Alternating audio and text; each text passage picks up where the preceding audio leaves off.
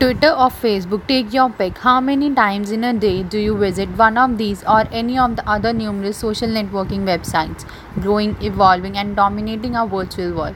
You must know at least one, and probably know more than one. Persons who may be addicted to these websites is actually considered odd, not addicted to these virtual time black holes. Figures of daily traffic pulled by these sites are enough for anyone to realize the power and influence that social media commands over inhabitants of our world, both virtual and physical.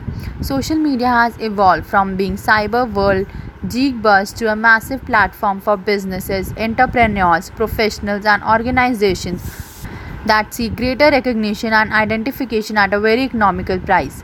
Social media has its claws deeply dug in the cyber world, and failing to acknowledge that and not to take advantage of its influence is a crime unforgivable. In today's fast paced world, where nearly every other person you meet is short on time, the importance and advantage of this feature of social media cannot be denied. Social media is easily accessible and it's also the meeting point of today's internet savvy major portion of younger generation teenagers and middle aged people are major percentage of the total social media user population. Social media opens possibilities of direct access to clients without any third party intervention. Advertising through social media is pretty cost friendly as compared to cost incurred by print tv or other traditional media. Social media also helps in search engine optimization and increase in rankings of any company websites. Above characteristics are crucially important for any business in today's world. Communication level and engagement of clients go to different levels altogether when you are using this medium. Compare a filter promoting new laundry detergent or brand new coffee shop in your mailbox with watching a video of the same promotion in your YouTube account. Which one seems more interesting?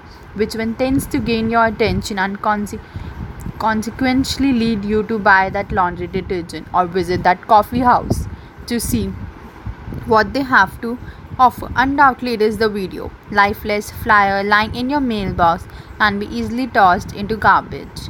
The predictability factor is high. How many times have you seen a promotional, even very professionally looking paper lying in the mailbox? When a promotional method becomes predictable for a customer, it automatically becomes easy to ignore content associated with it. By presenting something unique and memorable, customers will be more likely to give their full attention to the message that is trying to be delivered.